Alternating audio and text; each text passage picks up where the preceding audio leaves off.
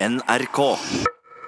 Leaving Neverland er dokumentarfilmen alle snakker om denne uka. Vi har sett den og skal diskutere dens styrker og svakheter, og avsløre hva vi tror ligger bak påstandene om Michael Jackson som overgriper. Og etter 20 mannsdominerte filmer har Marvel Studios endelig sluppet en film med kvinnelig superhelt som midtpunkt, og du skal få dommen over Captain Marvel. Og Netflix slår på stortromma med den stjernetunge originalfilmen Triple Frontier, med blant andre Ben Affleck og Oscar Isaac på rollelista. Du får høre om den er strømbar eller ikke.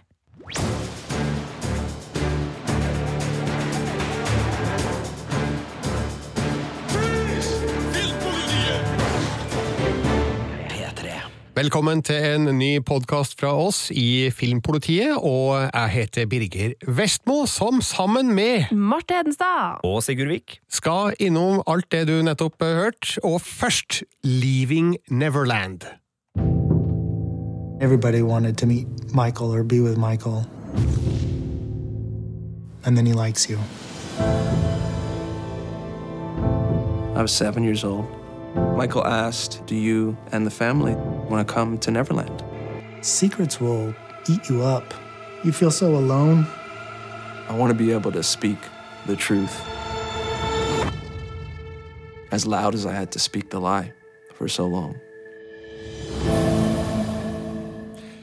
Dokumentaren Leaving Neverland skapte furore og brudulje da den ble vist på filmfestivalen Sundance i januar, og igjen da den ble vist på amerikansk HBO sist helg. Førstkommende søndag har den premiere på NRK, og mye har blitt sagt om filmen i norske medier den siste uka, Eh, det meste av folk som ikke har sett den enda. Men to av de som har sett den, er Sigurd Vik og meg sjøl, og du, Sigurd, har anmeldt den til en femmer på terningen. Hva er det som gjør Leaving Neverland til en sterk film? Eh, Det er eh, rett og slett historier til Jimmy Safechuck og Wade Robson. Både deres individuelle historier, som er eh, veldig detaljerte, og som ikke legger noe imellom, eller den legger likt imellom, men lite imellom da på beskrivelsen av det angivelige seksuelle forholdet som Michael Jackson skal ha hatt til disse to unge guttene, som begge var barnestjerner, og som i perioder levd på, på Neverland-ranchen sammen med Michael Jackson. Og så er det jo spesielt da hvordan deres to historier styrker hverandre, og, og dermed får en troverdighet, i hvert fall i filmen, eh, ved at de eh, danner et bilde av en eh, mann som hadde en metode i sine seksuelle overgrep. Altså, de følger en ganske lik linje, begge disse historiene. Det er en del detaljer som sammenfaller, og viser da at Michael Jackson først innleder et venneforhold, et lekende forhold, er veldig sjenerøs. Så blir det hemmeligheter, så blir det overnattinger, så blir det seksuelle handlinger og seksuelle forhold, og så blir det hemmelighetshold, og både eh, hemmelighetshold sånn at man ikke skal eh, bli oppdaga, men også da eh, hva man skal gjøre for å holde det her skjult, både for familiene til disse to guttene og omverdenen. da. Så det er vel den sterke, at det klarer å danne et bilde om at det her ikke er enkelthendelser, hvis det skjedde, det blir mange forbehold i denne podkasten, tror jeg, eh, men at det er en metode, og det gjør det jo ekstra vondt, og det gjør det jo muligens også større enn bare det vi får se i denne dokumentaren. Det er der styrken ligger, og så har den jo en del svakheter.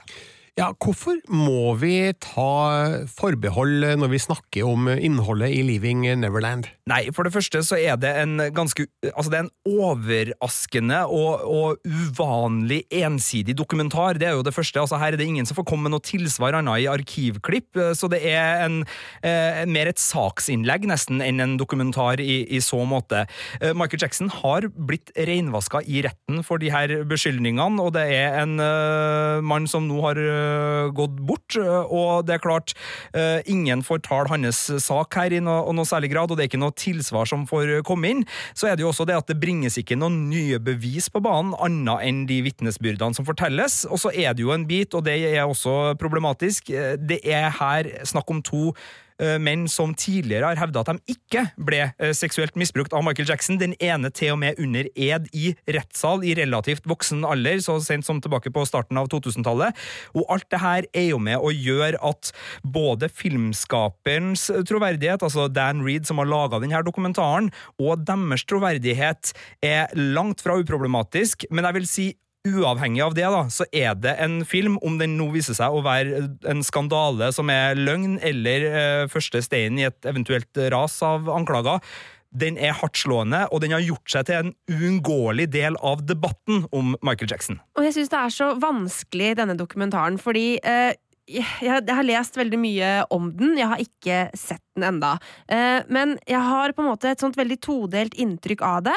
Eh, det ene er den der forferdelige historien eh, som, når jeg leser hva Jimmy Safechuck og Wade Robson forteller om det de mener de har opplevd, så, så altså, jeg blir kvalm. Altså, det, er, det, er, så jævlig. Jeg tenker bare å herregud, hva, jeg kan aldri høre på Michael Jackson igjen. Og det er liksom, det er så grusomt. og så leser jeg andre kommentarer og artikler om på en måte som skal liksom dementere alt og, og som skal gå tilbake på og tilbakevise og ødelegge troverdigheten til disse to eh, mennene, som også virker troverdig. Så, så Det er så utrolig vanskelig å liksom vite hva man skal tro, og derfor syns jeg det er så vanskelig at dokumentaren er så ensidig ut ifra det du forteller. da. Hvorfor, hvorfor kunne vi ikke fått en dokumentar som som ga oss litt mer dypere innblikk i begge sider av saken? Altså, jeg tror, uten at jeg vet, men jeg tror at um, om de hadde fått med seg noen til å tale Michael Jacksons sak, så er det personer som ikke kan ha forutsetninger for å vite om det de kara forteller er sant eller ikke. Mm. For um, en overgriper som begår seksuelle handlinger mot barn i et uh, lukka soverom, er jo alene med sine ofre, og har ingen til å være vitnesbyrd eh, om det har skjedd eller ikke. Så det må være utrolig vanskelig å finne noen som på en troverdig måte kan gå imot disse beskyldningene som kommer frem i denne dokumentaren. Ja. ja. Og så er det jo et uh, poeng, fordi uh, du etterlyser det, og min journalistiske ryggmargsfølelse etterlyser det, og alle som er vant med å se dokumentarfilmer som dokument, altså i, i sjangeren, forventer en etterrettelighet og en balanse, og at alle har et tilsvar, enten det er i rettssaker eller i dokumentarfilm, så er det liksom det er dit vi går, det er det vi kjenner at er riktig. Folk må få lov til å forsvare seg. Men uh, Dan Reed, altså regissøren her, har jo blitt konfrontert med disse, og jeg har lest en del intervju med han, og han uh, vil ikke lage den filmen. Altså, Vi etterlyser da en film han ikke har noen intensjoner om å lage. Han har laga det her som deres historie, deres og deres families historie, som offer. Det er ikke en dokumentar om Michael Jackson, sånn som han ser det. Som, selvfølgelig er det jo det også, men det her er liksom deres historie.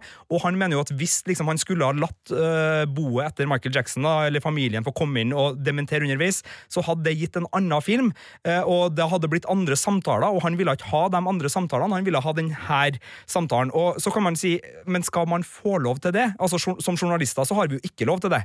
Vi Nei. kunne aldri ha laga den dokumentarfilmen her.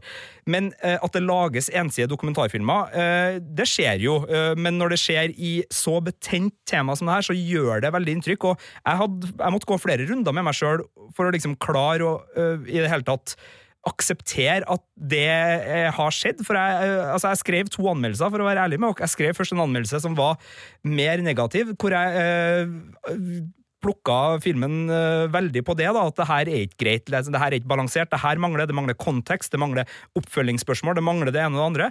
Og så så jeg på det, og så kjente jeg at men den er allikevel kruttsterk, den historien. Og uh, man kan se litt sånn forskjellen på mottagelsen. Og I USA så har han fått relativt god mottagelse, og det tror jeg er fordi der er det kanskje litt større takhøyde for denne type produksjoner, men det er også noe med, eh, med eh, Der var sjokkeffekten større, fordi de her anmeldelsene kom ikke nå, de kom da etter Sundance, hvor folk fikk hakaslepp, rett og slett. Så jeg tror det er hakasleppet som gjør at eh, det påvirker, fordi at som dokumentarfilm så er den svak har den svakheter både på metoden, men også visuelt sett så er det en del å plukke på hvis man ønsker. Men, men det er en veldig vanskelig film å bedømme, rett og slett. Mm. Eh, Dan Reed er i sin fulle rett til å lage den filmen han ønsker å lage, eh, akkurat som Michael Jackson-boet er i sin fulle rett til å lage en dokumentarfilm om de ønsker det, som motsier alle beskyldningene som kommer frem her. Så det er ikke sånn at han er bundet av eh, en plikt til å la begge sider komme frem her. Så det vi står igjen med, er jo spørsmålet hvor troverdig er egentlig Jimmy Safechuck og Wade Robson? Tror vi på det de har å fortelle? Og svaret på det for min egen del er et rungende ja visst søren tror jeg på alt det de forteller meg i denne filmen, sjøl om jeg vet at jeg burde ha forbehold om det som blir fortalt, på grunn av det som ikke blir fortalt, eller ikke blir spurt, så virker det de forteller veldig ekte. Jeg vet ikke hva du tenker, Sigurd, som har anmeldt filmen? Jeg har en lignende, men eh, allikevel eh, merkbar ulik oppfatning.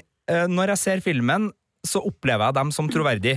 Og det griper meg. Så jeg satt og, og følte virkelig på kroppen uh, underveis her, og, og det, der og da det, det framstår veldig troverdig. Men jeg klarer ikke å fri meg fra tanken om at det her muligens allikevel er konstruert. Altså at det er eh, ei historie som kommer fra to stykker som eh, kan ha andre motiver for å stå fram, og som vet at det er umulig å motsi dem nå, fordi den ene personen som alternativt da sitter på andre sida av sannheten her, har gått bort. Men, men, det er en sterk troverdighet, jeg er helt enig med det, og jeg mistror dem ikke i utgangspunktet, men jeg, men jeg skulle øh, Ja.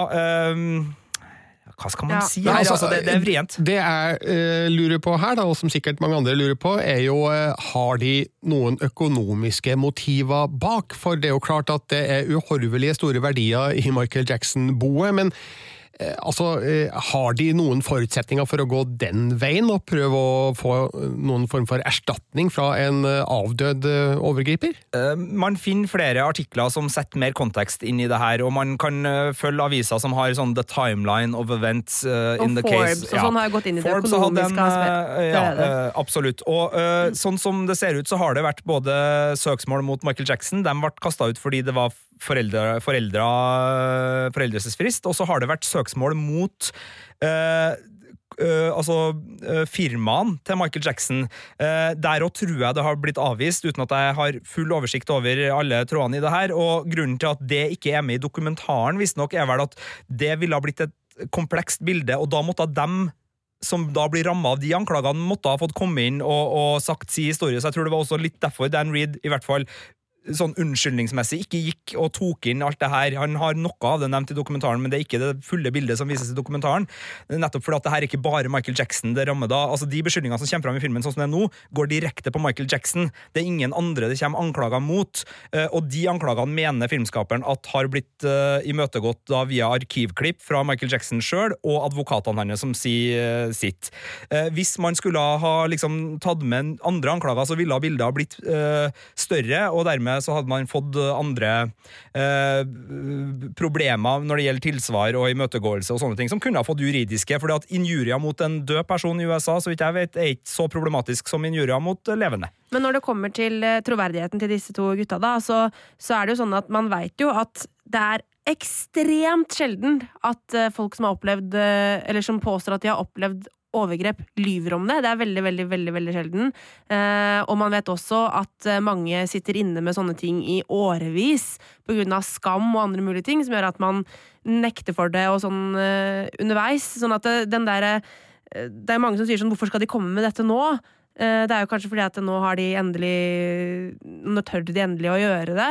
Eh, samtidig så, så syns jeg det er veldig vanskelig. Det er en skikkelig vanskelig sak. Uh, men jeg er som Birger uten å ha sett filmen engang, så, så tror jeg jo på det. De er jo veldig ærlige på det i uh, filmen, at de har ikke turt å gå ut før, fordi de har ikke greid det. De mm. har vært under Michael Jacksons forhekselse, går det an å si det? Under his spell. Og han har vært en så sterk og dominerende figur for de, som de også har vært veldig glad i. Og at det i sum har gjort det umulig for dem å gå ut tidligere. og Det forklarer jo også da hvorfor de i uh, flere anledninger har benekta og har blitt uh, misbrukt uh, seksuelt av, Jackson, i for, eksempel i den nevnte rettssaken, Sigurd. Ja, og det er jo også en generasjonsserie, holdt jeg på å si, når det gjelder familie her. fordi eh, det her er jo to personer som nå begge har fått barn, eh, og som dermed har barn sjøl, og som i dokumentaren, i hvert fall Wade Robson, reflekterer rundt det her. Uh, ok, når jeg, når jeg var midt oppi det, så så jeg på meg, mitt forhold til Michael Jackson som noe som var mellom oss. Men når jeg som far sitter og ser på mitt barn og tenker hva ville jeg gjort hvis noen hadde gjort noe sånt mot mitt barn, eh, så, så det er jo tydelig at eh, det er i hvert fall sånn som de forklarer seg, ting som har skjedd her, både ved at presset har økt, og at minner har kommet fram, og at deres livssituasjon har endra seg såpass at det er naturlig å ta tak i det som uh, var med og beskytta dem også da. fordi Uh, man kan jo, altså, uh, Wade Robson er en kjent koreograf. Uh, han har jobba med Britney Spears, han har jobba med mye. hvis han skulle ha snudd i de her rettssakene altså, Spilt djevelens advokat her, da, eller Wade Robsons advokat, om du vil. altså, hvis han, altså, det å, å, stå fram på et tidligere tidspunkt hvor han kanskje var midt i karrieren sin, som da var da beskyldningene mot Michael Jackson rasa, det vil jo sette han i en eh, både karrieremessig og folkeopinionsmessig veldig spesiell plass. Jeg sier ikke at det ville ha ødelagt den, men det ville ha gjort konsekvenser. Akkurat som for eksempel Macaulay Culkin er jo en person som nevnes i dokumentaren. Han nekter jo for enhver eh, for at det skal ha skjedd noe misbruk. Det, kan, det skal ikke vi ta stilling til i hele tatt, men det er klart, hvis en sånn person står fram eh, mens de har en karriere i Hollywood, det er klart sånne ting vil jo også påvirke og være med på en beslutningsprosess. Jeg sier ikke at det, det er verken sånn det har skjedd, eller at det er noen unnskyldning, eller noe som helst, men altså det, jeg syns både Robson og Safechuck får fram hvorfor det har vært veldig vanskelig å endre den historien de begynte å fortelle allerede som barn. da. Og da de eh, benekta disse beskyldningene eh, i sin tid, så var de, de var barn og tenåringer, og de var unge menn. Og altså, fremdeles hadde forhold til Michael Jackson, som ja. ringte dem, og som var deres venn, og som skulle hjelpe dem med karrieren. Du trenger ikke å gå skole, jeg skal betale for regiutdanninga di, osv. osv. Ja, han var et familiemedlem, og eh, klart det gjorde det vanskelig for de å endre på den eh, historien. Det satt veldig langt inn, og det syns jeg filmen får frem veldig bra. Altså hvor lang tid det tok da, før de var villige til å ta det steget og innrømme at jo, han misbrukte oss faktisk seksuelt. Mm. Uh, og filmen, som er tre timer lang og delt i to her i Europa, den er jo fire timer lang i, i USA den tar seg veldig god tid med å fortelle denne historien. Så når de endelig da forteller om da de jeg skulle si, kom ut av uh, skapet, eller altså da de endelig innrømte disse eh, seksuelle misbruksbeskyldningene, så har det gått så lang tid i dokumentaren også at vi som ser på, føler at uh, oi, det, er det her satt veldig langt inn. Ja. Uh, jeg har jo gitt denne uh, filmen, uh, og det er litt sånn snedig, jeg ga den en terningkast fem. det var ikke lett, den lå og vippa veldig mye, men det er på ingen måte å si at det her er en perfekt dokumentarfilm, verken som dokumentar og som journalistisk produkt, men heller ikke som film. for den er ganske monoton i sitt visuelle uttrykk. Birger, du har jo også sett den. Hvordan syns du den er som film? Ja, altså, som du sier, eh, den er litt ensformig, og den går litt sakte. Og jeg tenker at det kanskje er gjort med vilje, da. At de har prøvd å kjøre en såpass nøktern og litt småkjedelig linje, da, for å ikke bli beskyldt for å være sensasjonalistisk. Var det et riktig ord? Altså, gjør ikke noe sensasjon ut av det her. Det er ikke noe spetakkel som settes i gang her for å lage noe mer ut av historien enn det det egentlig er. Så kanskje er det et bevisst grep da, å holde filmen ned på et uh, nøkternt nivå, uh, for å la alvoret i historien komme frem av seg sjøl gjennom disse hovedpersonenes egne ord, og ikke på grunn av eh, visuelle krumspring da fra Dan Reed sin side. Jeg tror også det. Samtidig så skal vi jo ikke overse at Dan Reed er ikke uten triks oppi ermet. Altså, han rammer inn alle arkivklipp i en svart bakgrunn, hvor arkivklippene, enten det er fotografier eller videoer, får lov til å være en firkant midt på. Den sorte ramma har jo en symbolsk betydning. Og i tillegg, uh, når Wade Robson forteller om sine overgrep, så, uh, så, er det fire ganger at det zoomes mer og mer inn på øynene til et bilde av han som barn. Så det, altså, han slår jo inn noen retoriske poeng med, med klipp og, og bildevalg. filmmusikken er nesten Disney-orkestrert. I, I, starten har kjøringa, panoreringa, som skal liksom ta oss med inn i hvor fantastisk Michael Jackson framsto for barn, spesielt da på 90-tallet da han var på sin storhetstid. Eh, det er jo et grep som selvfølgelig slår fast. Og så er det jo en del dronekjøringer jeg beit meg spesielt merke i eh, når det snakkes om eh, det var stor kontrast mellom dagene og nettene på Neverland, sies det på lydsporet i intervju. Og da filmes det liksom til en digitallås og en låst port på et natt-Neverland. Men du ser jo at det er jo et nytt klipp, fordi minnebuketter står utenfor, og sånne ting, så, så den er jo ikke uten føringer, selv om den framstår veldig sobert og veldig nedpå. og veldig sånn, Her er det kun uh, intervjuene som skal være grundige. Så, så, han leker jo med uh, en del ting, og jeg syns av og til, spesielt det sånn med Porten og Neverland, da syns jeg nesten det blir litt sånn billige grep, for det trengs ikke.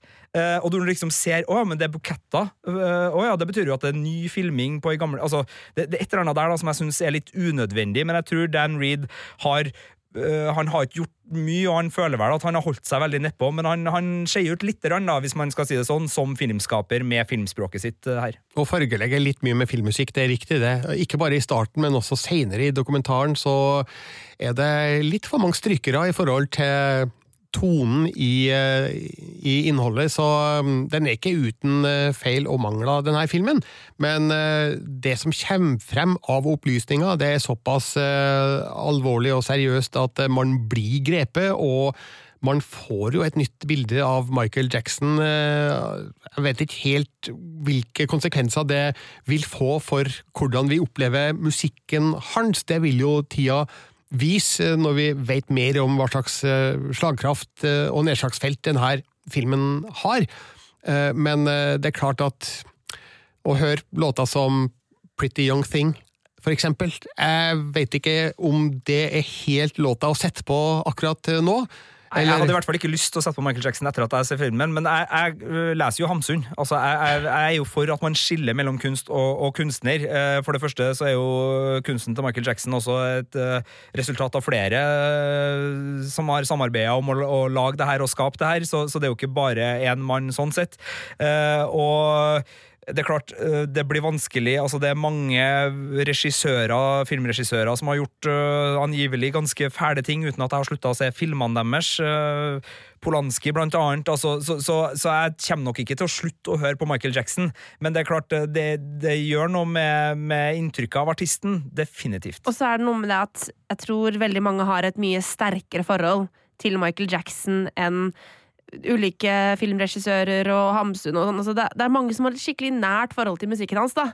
Og da å høre det her nå, og jeg tror at ja, jeg husker jo eh, rettssaken, eh, men da var det så få som trodde på det. Mens nå så liksom så skjønner man at shit, det her eh, ja, det, er det, det, er det, sterkeste vitnesbyrdet jeg ja. har registrert så langt. Nå har ikke jeg fulgt rettssakene, men altså, det har vært en avstand i det hele tida fram til mm. nå, fordi det nettopp har foregått innenfor justisvesenet sine rammer, og de er jo der både for å beskytte, altså beskytte alle involverte, så, som har gjort at man har fått uh, Men her er det rett inn i TV-stua til folk, altså. Eh, ganske så grafiske skildringer. Vi var litt uenige der, Birger, på om eh, du, du, du kalte dem relativt nøkterne, var det det? Mens jeg mente at de var, var hardtslående og, og, gripende. Men jeg er jo enig i at språket er nøkternt. men det, det, det, gjør det nesten bare enda sterkere, syns jeg. Eh, det at de skildrer så grafisk detaljerte seksuelle handlinger. Ja, altså det de sier, det er tøft og hardt, men måten det presenteres på, det er det jeg tenker på er litt eh, nøkternt og, og, og nedpå her, da. Nei, for herregud, det de forteller, altså de historiene de serverer om hva som foregikk eh, i senga til Michael Jackson i Neverland, det, det trenger vi ikke å gjenta her, men det er eksplisitt nok til at man levende ser for seg hvordan dette foregikk. Eh, og jeg tenker at på, på en måte så behøvde de ikke å fortelle alt det her, men på den annen side kanskje måtte det til for at man skulle forstå graden av misbruket, og hvor alvorlig det angivelig eh, var. Vi må huske å ta med ordet angivelig innimellom her òg. Ja, det, det, er veldig viktig, fordi uh, det er uh, Ja, selv om, selv om de har stor troverdighet i filmen, så er det mye rundt her som, som, gjør det vanskelig, og det er nettopp det, og det er to vitnesforklaringer som ikke verken blir motsagt, eller som kommer med håndfaste bevis på de mest alvorlige beskyldningene. Foreldre og, og, opptak er jo med å bekrefte noe, altså at de var på Neverland, og at de var på turné sammen, og at de lå på rom sammen med Michael Jackson i stedet for å ligge på rom med foreldrene. Det føler opplever jeg i hvert fall gjennom dokumentaren at er uh, du, altså sannheter. Som, uh, men så er det jo hva som skjer på disse overnattingene, som er det som da er angivelig overgrep, og som blir utrolig vanskelig å forholde seg til, for at man, man vet jo ikke helt, da. Og det er jo kanskje det mest fascinerende og interessante aspektet ved hele dokumentarfilmen, det er jo at uh, mødrene er med. og For man blir jo sittende og tenke, hva i helsike var det foreldrene tenkte på, som lot sine små sønner nattover i senga til en over 30 år gammel mann? Ja. Svaret på det er jo at det var Michael Jackson. At han var den gedigne størrelsen han var på eh, 1990-tallet. Eh, En eventyrfigur som eh, blenda alle, og som gjorde dem da blind for eh, det han egentlig var ute etter og drev på med. For ingen i 1990 kunne tenke seg til at Michael Jackson var en pedofil overgriper. Det hang liksom ikke på greip, og det husker jeg jo godt fra da de beskyldningene først kom. Jeg husker ikke akkurat hvilket år det var, men eh, i hvert fall så tenkte jo alle da at ja, det kan jo ikke stemme, her er det bare noen som er ute etter penger. For Michael Jackson var jo viden kjent som et, et barn med mye penger, og som ikke hadde hatt en normal barndom. og som derfor eh, trivdes veldig godt i barnlig selskap. Ja, og hvis man skulle ha laga en ordentlig dokumentar om Michael Jackson og ø, overgrepsanklagene, så hadde jo den skildra både hans bakgrunn, konteksten ting har skjedd i her, og, og hvem uh, disse som kommer med beskyldningene er.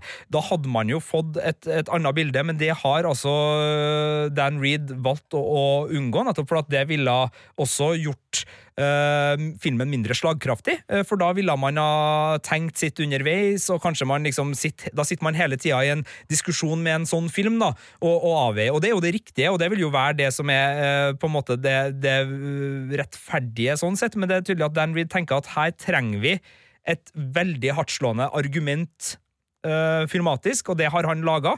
Langt fra uproblematisk, og det er mange som kommer til å bli dritforbanna på denne filmen. Det har allerede innboksen min merka.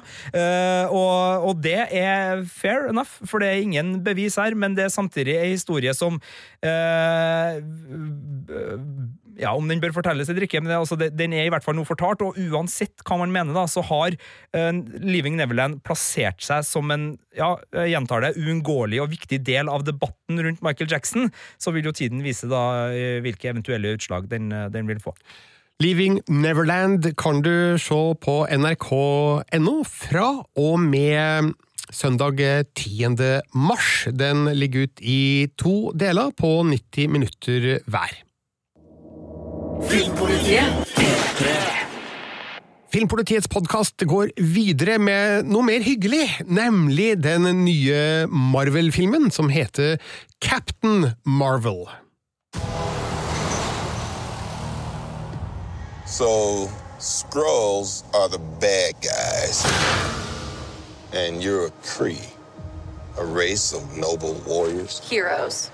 Noble warrior heroes.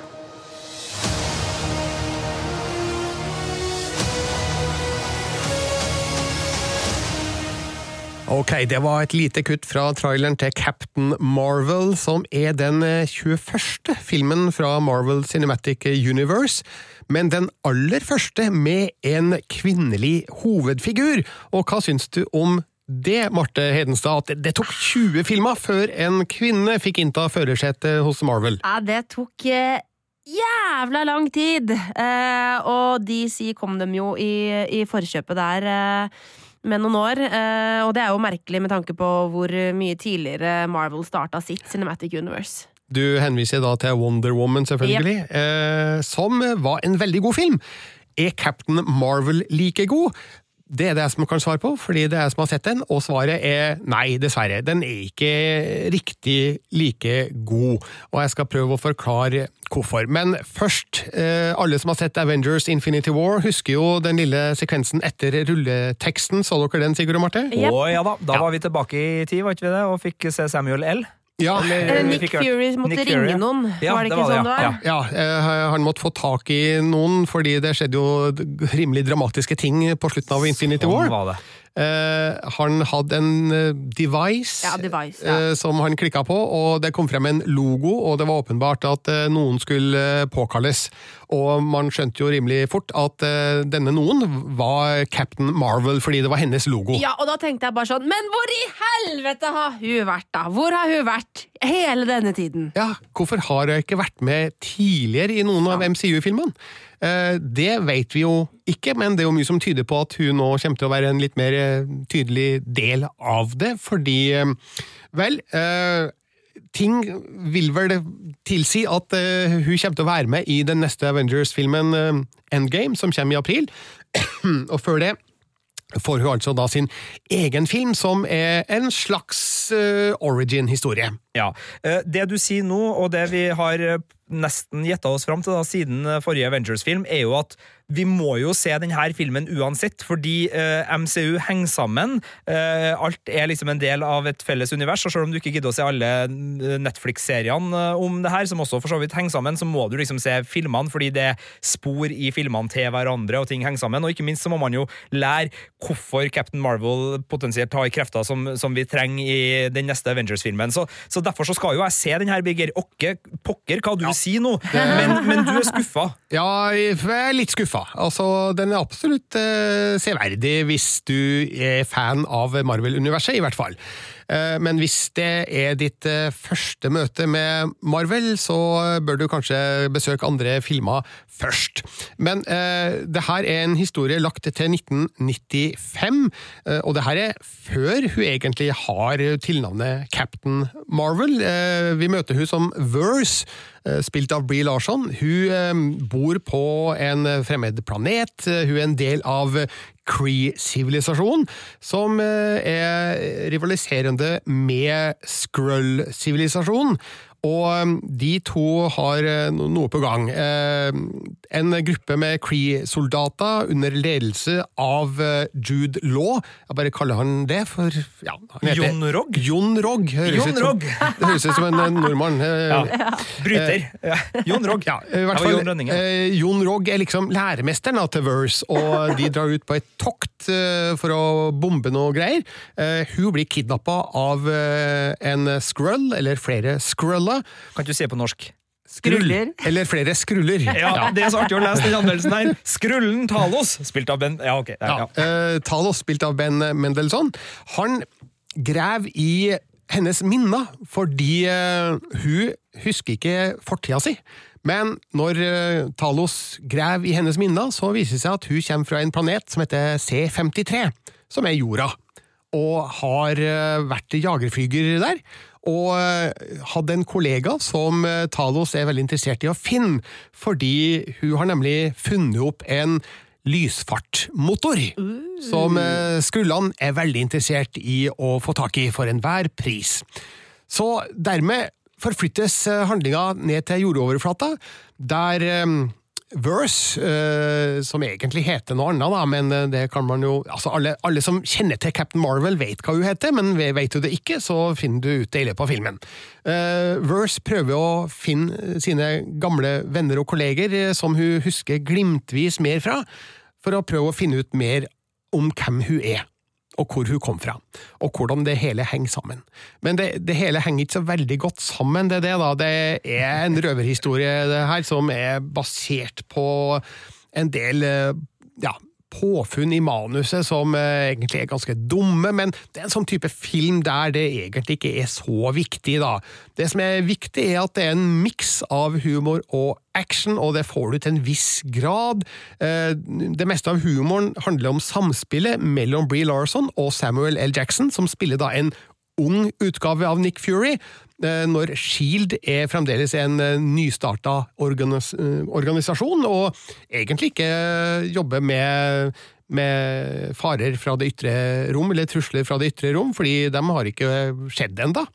Um, og det er litt morsomt å se en ung Samuel L. Jackson, fordi der har de gjort noe greier, altså. Noe, noe digitalt, et eller annet, eller om det er en maske, jeg vet ikke. men... Jeg vet at de teiper av eh, skuespillere av og til. Men de har i hvert fall forynga Samuel L. Jackson på en måte som virker for så vidt overbevisende, men samtidig så ser det litt fake ut, fordi vi vet jo at Samuel L. Jackson han, han er ikke i 40-åra i dag. Han- Han er litt eldre enn som så. Ja, og så er det jo et problem, fordi han var jo så godt dokumentert i filmer som Die Hard 3 og Pulp Fiction, akkurat i det denne filmen Vi skal vet foregå. hvordan han, Ja, så ut. Og, og, ja, jo, jo, ok, jeg ser på bildet fra, fra, fra filmen her nå. Han ligner jo veldig på den skuespilleren. Ja, Altså, men, det, det, det går an å la det passere. Det, gjør, det gjør det, altså. Eh, han har litt mer energi, den unge Nick Fury. Eh, han er litt mer snerten i replikken, så det er jo det som er det morsomste i filmen, da. Eh, og når det gjelder sci-fi action, som vi jo er vant til, så finnes det gode eksempler på det òg. Spesielt mot slutten, når eh, Verse eh, finner sine fulle krefter, hvis vi kan si det på den måten. Så Ja. man får eye candy her, det gjør man. Men hvordan er hun som superhelt? Fordi, altså, Er hun kul? Er hun tøff? Er hun altså, rå? Altså, da jeg så Wonder Woman, så var, gråt jeg jo av glede, fordi at det endelig fantes det en fantastisk eh, tøff kvinnelig superhelt. Ja. Hvordan er Bree Larsen der? Ja, eh, jeg er litt spent på hvordan du vil eh, bedømme Brie Larsons eh, rolleprestasjon. Hun er ålreit, hun, hun er god, hun er kul. Jeg liker Brie Larson, og hun gjør en ålreit figur som Verse eller Captain Marvel. Men problemet til filmen er at den følger den samme gamle oppskrifta som eh, Marvel-filmer har gjort i snart eh, 15-20 år. Eh, Hvor lang tid siden er det den første Iron Man kom? 2008. Ja, så ok, 11 år da. Er det ikke lenger siden? Det føles Herre lenge sia. siden. Ja. Det er 20 filmer, vet du. Ja. Det er 20 filmer. Det er 20, Eh, 20, 20 året. filmer, 20 år i dag.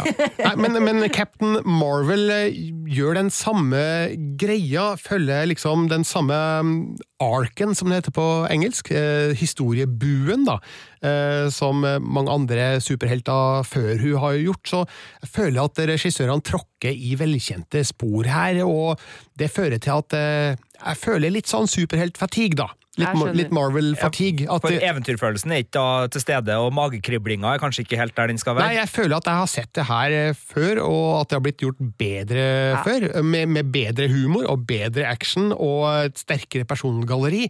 Eh, Det er mange figurer i denne filmen som jeg ikke har nevnt. eh, Som rett og slett er litt sånn kjedelige og intetsigende. Og det heller litt i en sjanger der vi er vant til mm, skuespillere fra øverste hylle i eh, virkelig feite rolleprestasjoner. Men det her er vel en, den Marvel-filmen som du kanskje har likt minst, eller av alle? Men er det fordi den kommer så seint, eller er det andre ting som spiller inn også? Det er mulig at eh, det er en blanding, men at eh, det at den kommer litt seint til gamet, er en stor årsak her.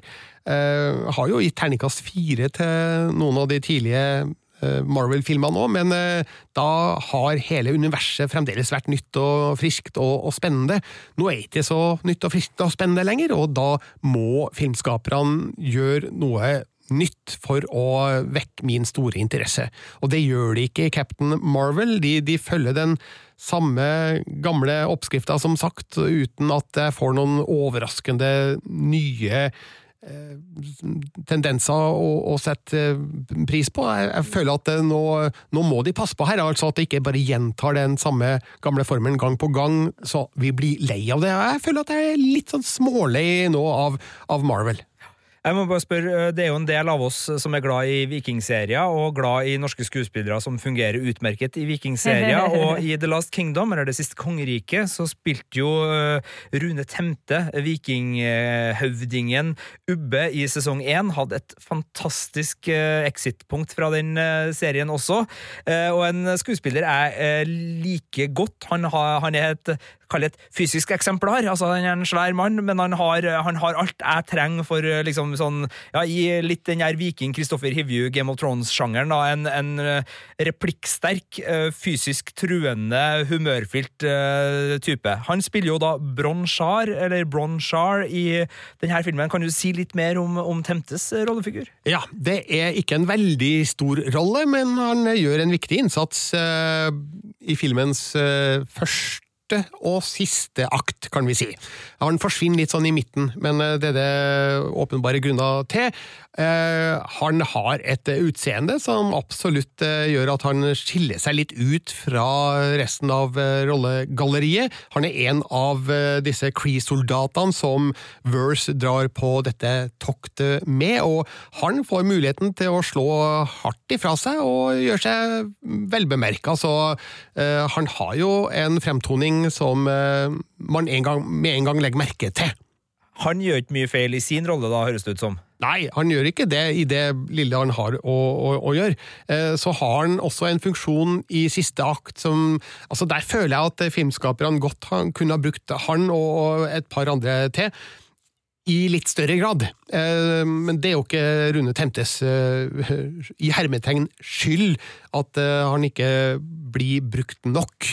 Men det er et potensial der som kanskje ikke blir utnytta fullt ut, men eh, det han har å, å gjøre, det er bra. Han takler den rollen fint, og skal ikke se bort ifra at eh, han er en eh, figur som kan brukes eh, til andre ting også, om ikke i Marvel-universet, så i lignende filmer for eh, en imponerende skikkelse som jeg tror kan brukes til, til flere ting enn eh, akkurat denne rollen, altså. Så det var Captain Marvel-dommen. Terningkast tre har jeg gitt, og det betyr i klartekst at eh, jeg syns filmen har eh, sine kvaliteter, og sannsynligvis eh, gode nok eh, til å forsvare en tur på kino for den som er Jeg skal se den. Du, Du altså, se den, ja. du, kunne, du kunne ha prøvd deg med både terningkast to og én, Birger. Den her, Oi, altså, oi, oi. det her, man må jo se den, fordi den henger jo sammen med de andre. Ja. Så, så det, men, men ok, da. Så, så grei popkorn, da? Eller ok popkorn? ja, jeg tenker at hvis du sitter der og bare skal koble av og drikke brus og gomle popkorn, så, så er Captain Marvel helt grei, altså. Så er det, det er ingen, ingen som dør av å se den. Så den, den er ikke direkte dårlig. Eh, men eh, jeg syns likevel, som filmkritiker eh, Det er jo et yrke der man er nødt til å sette fingeren på ting, og kanskje være litt strengere enn eh, vanlige kinogjengere behøver å være.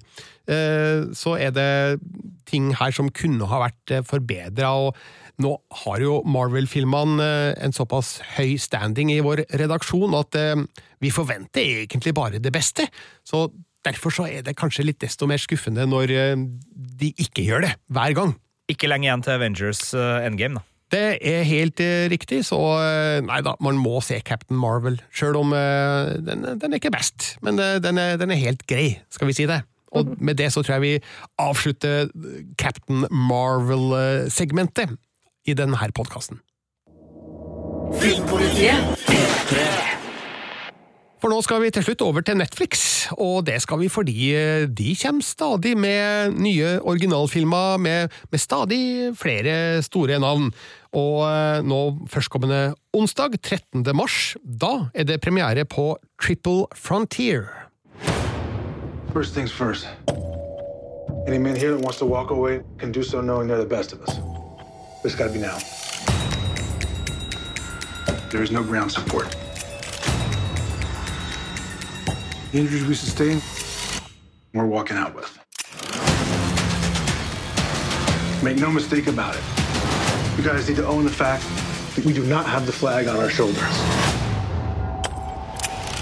You cannot go back to your normal life after tonight.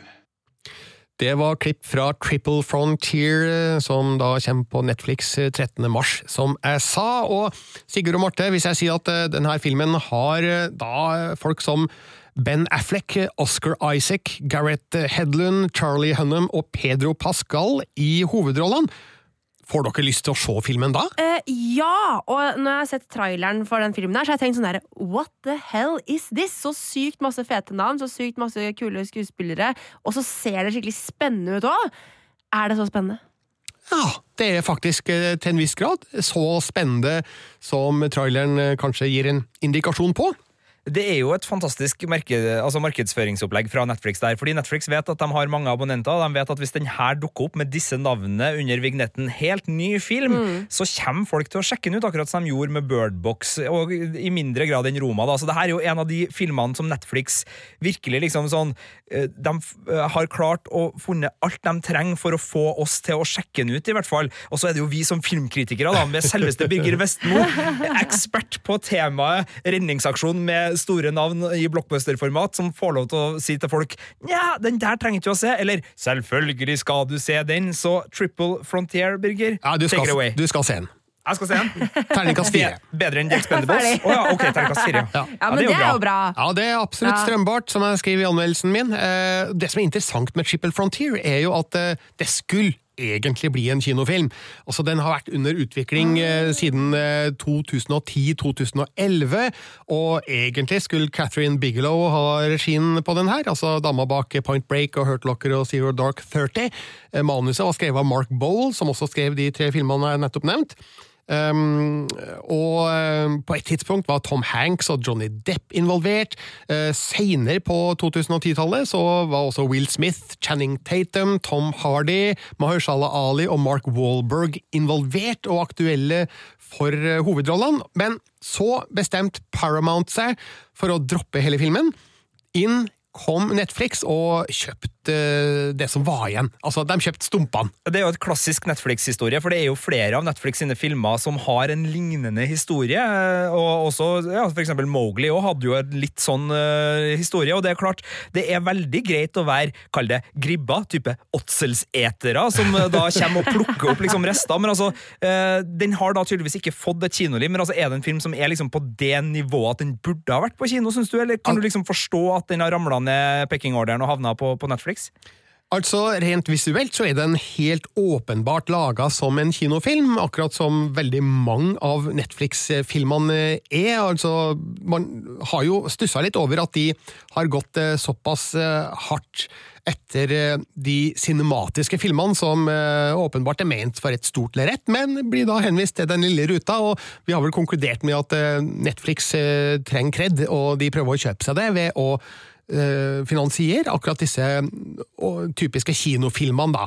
Eh, men det går selvfølgelig an å se kinofilm på TV-ruta også, selv om det, det er jo ikke like bra sånn eh, opplevelsesmessig sett. Men eh, eh, da er det bedre at vi får sett dem på Netflix, enn at vi ikke får sett dem i det hele tatt, tenker jeg da.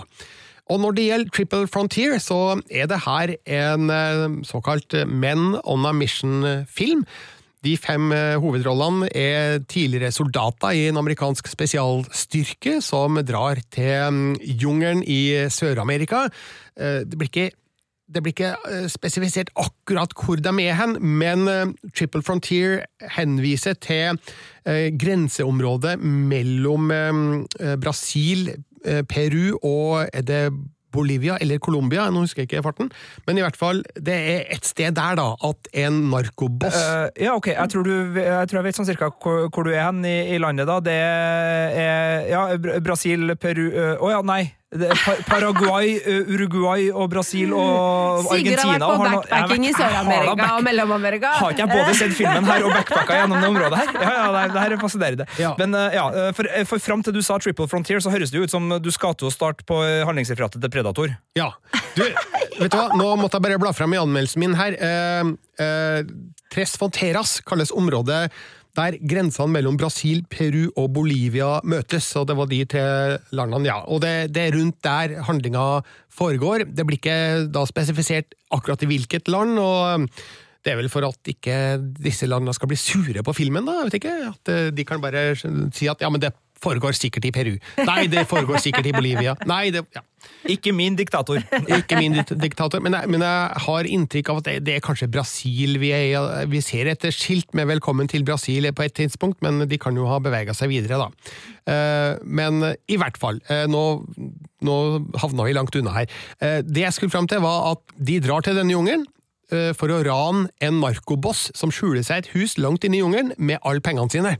Og det er jo litt sånn på kanten av loven, egentlig, for å si det mildt, men siden eh, målet er en narkoboss, så ja, da er det greit, da. Da er de heltene, ikke sant? Ja. Ikke sant?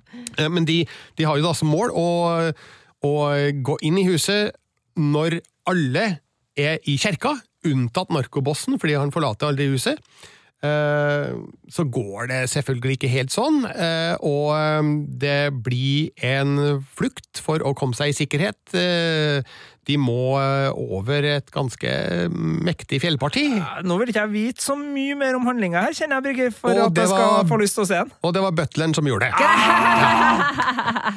Men i hvert fall så er det her til dels en skyteglad actionfilm som det smeller høyt og hardt i, og det sprutes blod, og det, det er voldelig så det holder. Men eh, på et tidspunkt så må de også mm, ta stilling til visse etiske og moralske spørsmål som gir historien litt mer kjøtt på, på beinet, da. Det handler om heder og ære og ja, eh, hvordan de egentlig skal forholde seg til den situasjonen som eh, oppstår.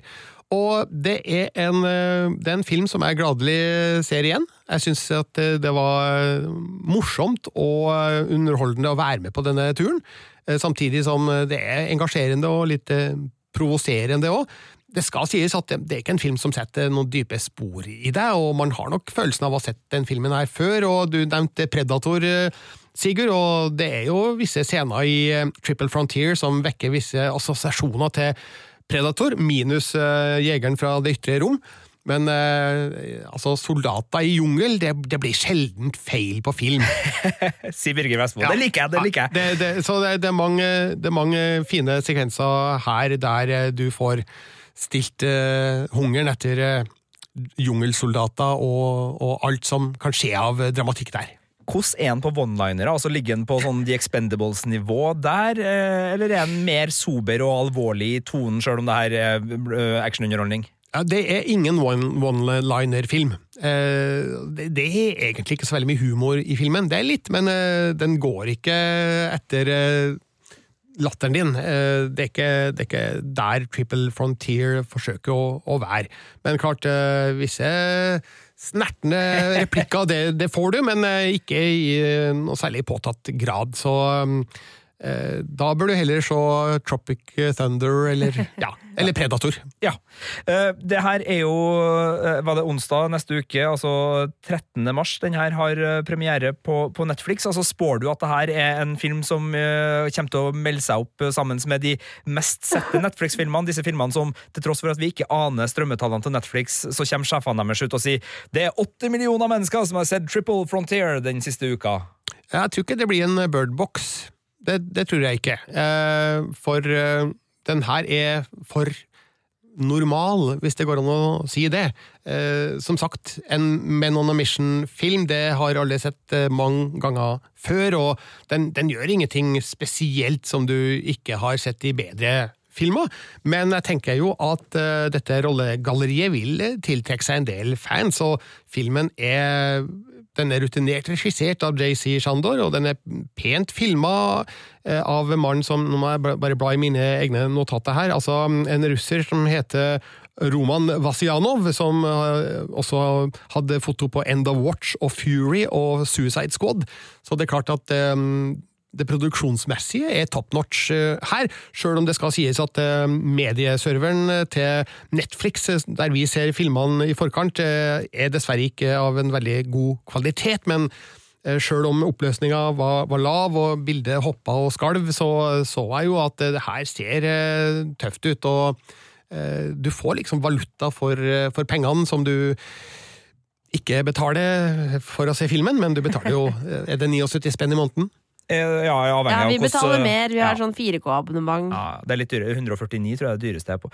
Men uh, da er altså greia mi at jeg ser Captain Marvel og får grei popkornunderholdning på lørdag eller søndag, og så må jeg vente til onsdag og grille meg en god frossenpizza og kose meg med Triple Frontier, fordi jeg er en fyr som liker den type filmer.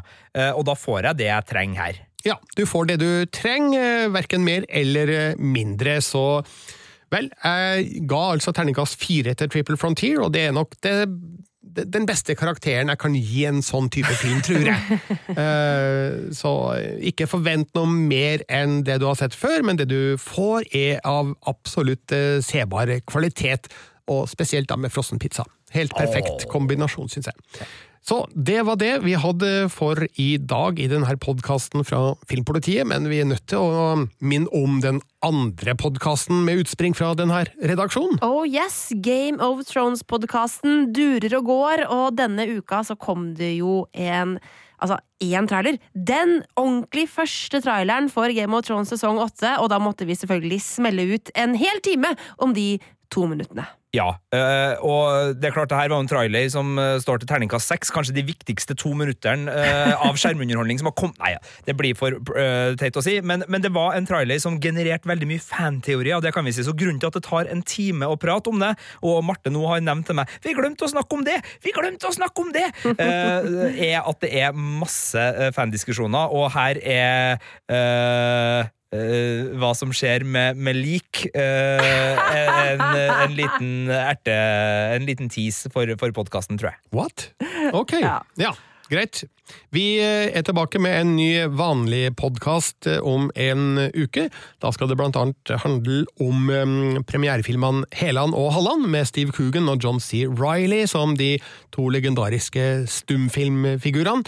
Og eh, dramaet Men alle vet, med ekteparet Penelope Cruz og Javier Bardem i hovedrollene. Den har du sett i Cannes, har ikke det? Det har jeg gjort, og jeg har også møtt eh, Penelope Cruz der, så eh, vi får se om vi kan få et innsmett fra det intervjuet i neste ukes podkast. Jeg må høre på opptaket, for det var, det var, et såkalt rundbord med mange andre journalister på et sted der det bråka mye, så jeg vet ikke helt hvor lydkvaliteten ble der, men det skal vi finne svar på. Inntil videre vil vi gjerne at du gir oss en kommentar og en rating der du har henta denne podkasten. Og hvis du vil oss noe, så kan du sende oss en e-post på filmpolitiet.nrk.no. Du kan også følge oss på sosiale medier, det vil si Instagram og Twitter. Og det var vel det. Jeg heter Birger Vestmo. Hva heter du? Jeg heter Marte Henstad. Hva heter du, da? Jeg heter Sigurd Vik. Hva heter vi? Vi heter Filmpolitiet. Ja, det var vel et greit punktum. NRK.